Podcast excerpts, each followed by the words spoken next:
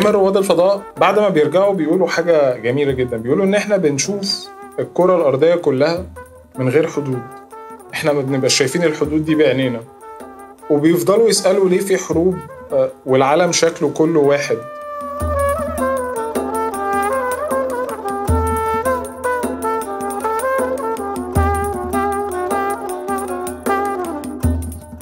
بعد تسع حلقات من تتبع قصص فاقدي الجنسية في العالم العربي تبين معنا أنه نظام الدولة الحديثة هو السبب الأساسي لظهور مشكلة انعدام الجنسية هذا بيعني أنه لتنحل هاي المشكلة لازم نلاقي نظام آخر ولكن هل يوجد بدائل ولا الدولة الحديثة بحدودها وجنسياتها هي الشكل الحتمي لتصنيف البشر؟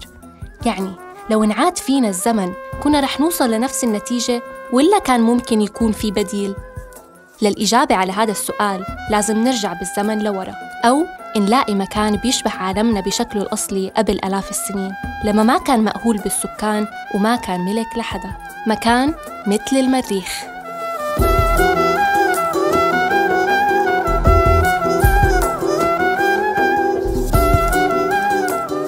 معكم تالا العيسى من بودكاست خرائط اللامكان. خليكم معنا لتسمعوا حلقتنا الأخيرة من الكوكب الأحمر.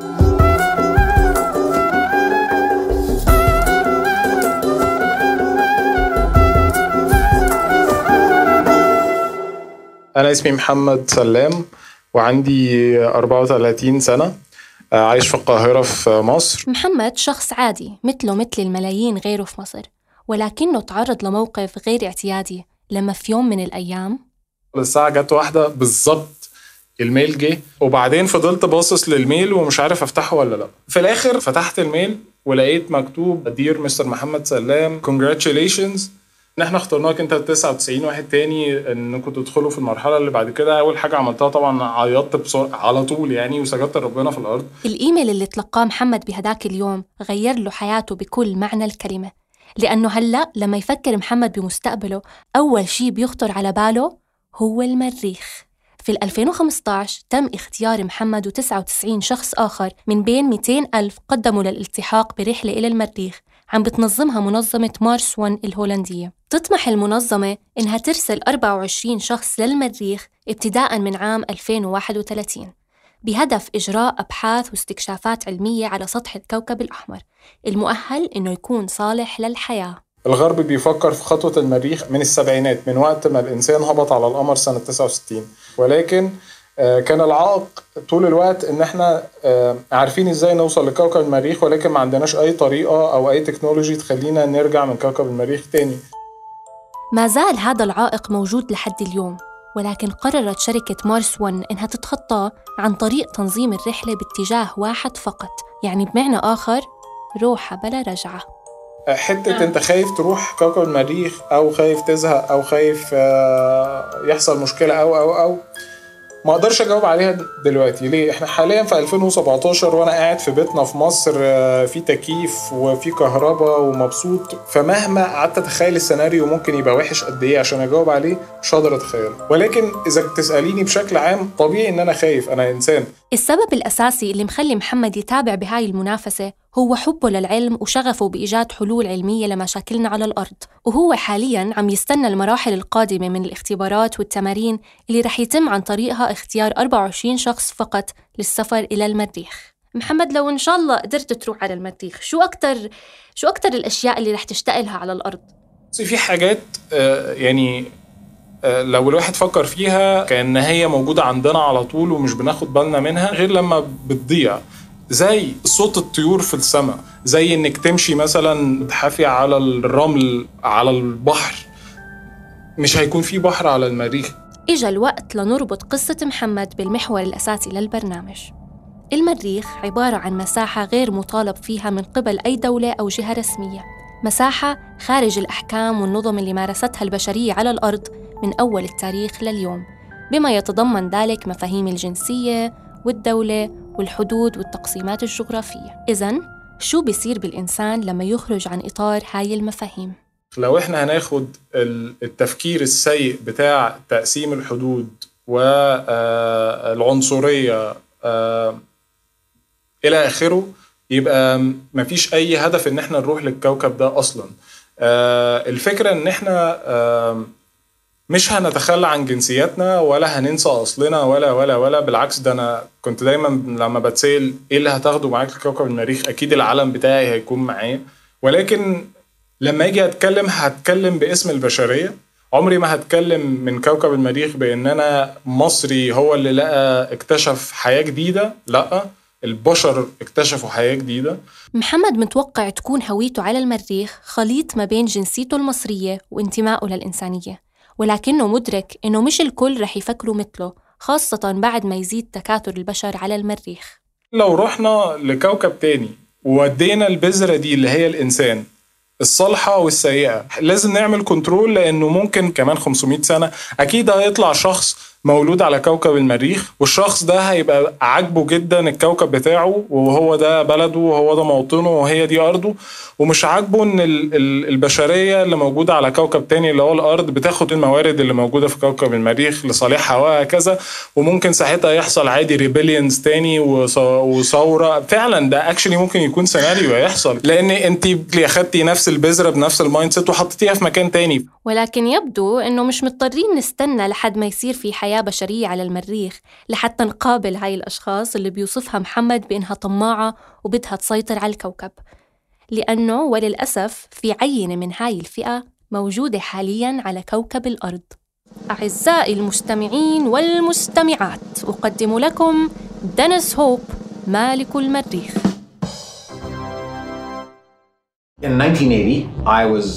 في 1980 اتطلقت من زوجتي وكنت عاطل عن العمل. كنت تقريبا مفلس فصرت أفكر آه شو اللي ممكن فعلا يسعدني. وعلى طول قررت إني راح أكون سعيد لو قدرت أشتري عقارات وأتاجر فيها لحد ما أقدر أسافر على لوس أنجلوس وأصير ممثل هناك. كنت بهديك اللحظة عم بتطلع على القمر من الشباك وقلت لحالي في كثير عقارات هناك. هاد مقطع من مقابلة أجرتها مجلة النيويورك تايمز مع دينيس هوب بال 2015 ببساطة دينيس لاحظ إنه في ثروة كبيرة في الفضاء ما بتملكها أي جهة رسمية وبالتالي هي غير مستغلة. من هداك اليوم قرر دينيس إنه رح يتملك القمر وكواكب أخرى. أرسلت مذكرة للأمم المتحدة. طلبت فيها إنهم يعلموني في حال تواجدت عندهم أي اعتراضات اتجاه مزاعم الملكية ولحد اليوم ما سمعت رد منهم. اعتبر دنس إنه الصمت علامة الرضا وبالتالي أعلن نفسه المالك الرسمي للقمر وعلى الأقل أربع كواكب بما فيهم المريخ. ومش بس هيك أسس دنس السفارة القمرية واللي عن طريقها بدأ يبيع أراضي الفضاء الخارجي ب 24 دولار مقابل الفدان الواحد. بال 2004 أسس دينيس حكومة المجرات اللي إلها دستور وقانون بهدف حماية مالكي الأراضي الفضائية.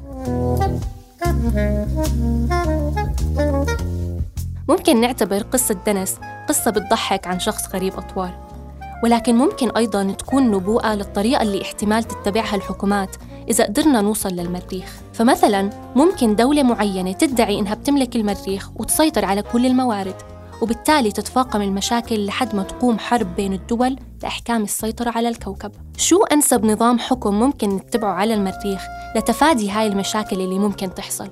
وكيف رح نقرر مين له حق الملكية؟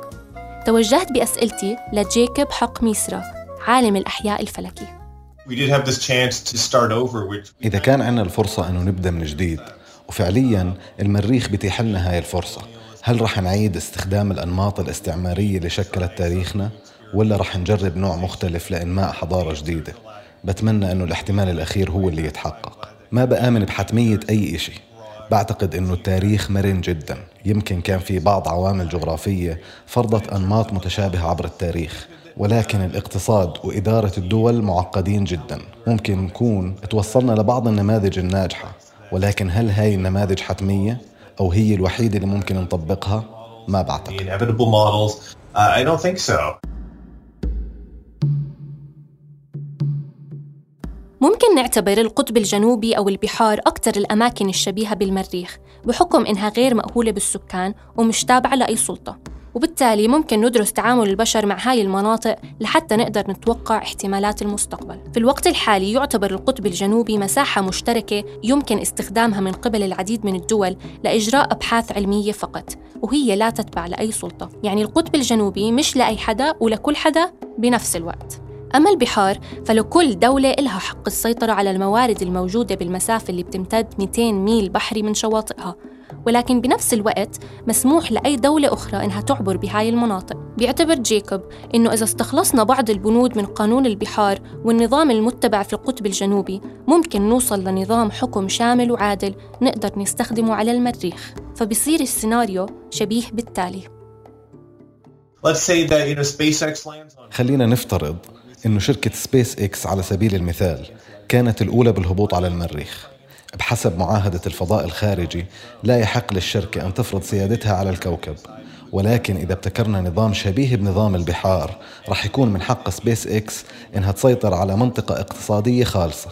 يعني إنه إلها الحق تستفيد من الموارد المتواجدة ضمن حدود منطقة معينة بحكم وصولها اولا على الكوكب. هيك منكون تفادينا مشكلة ظهور جهة من الممكن إنها تستولي على كل موارد المريخ.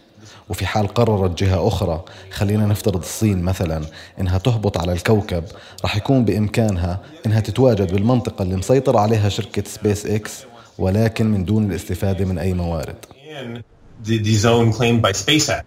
جيكوب متفائل بمستقبل البشرية على المريخ إيمانا منه بقدرة البشر على التعلم من التاريخ. ومقتنع إنه ما رح نضطر نعيد أخطاء أجدادنا اللي مارسوا الاحتلال والقوة العسكرية للسيطرة على الأراضي الجديدة اللي كانوا يكتشفوها.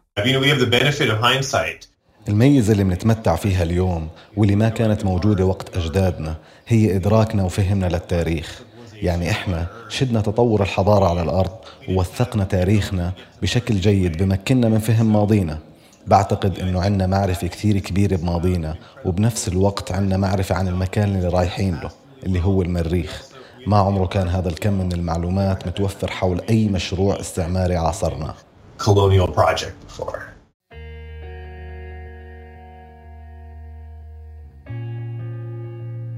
قبل ست سنين أرسلت وكالة الفضاء الأمريكية ناسا مركبة فضائية بمسمى كيوريوسيتي للمريخ. بهدف استكشاف قابلية الحياة هناك. بتاريخ 6 آب 2012 الساعة 5 و17 دقيقة. هبطت المركبة على الكوكب بلحظة تاريخية. Touchdown confirmed. We're safe on Mars.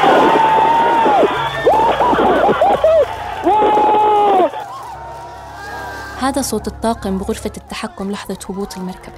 هل يا ترى رح يستمر صوت الفرحة لحد وصولنا إلى المريخ وتكوين حياة جديدة هناك؟ ولا وقتها رح يتحول الضحك لبكاء ونحيب شبيه باللي عم نسمعه على الأرض اليوم؟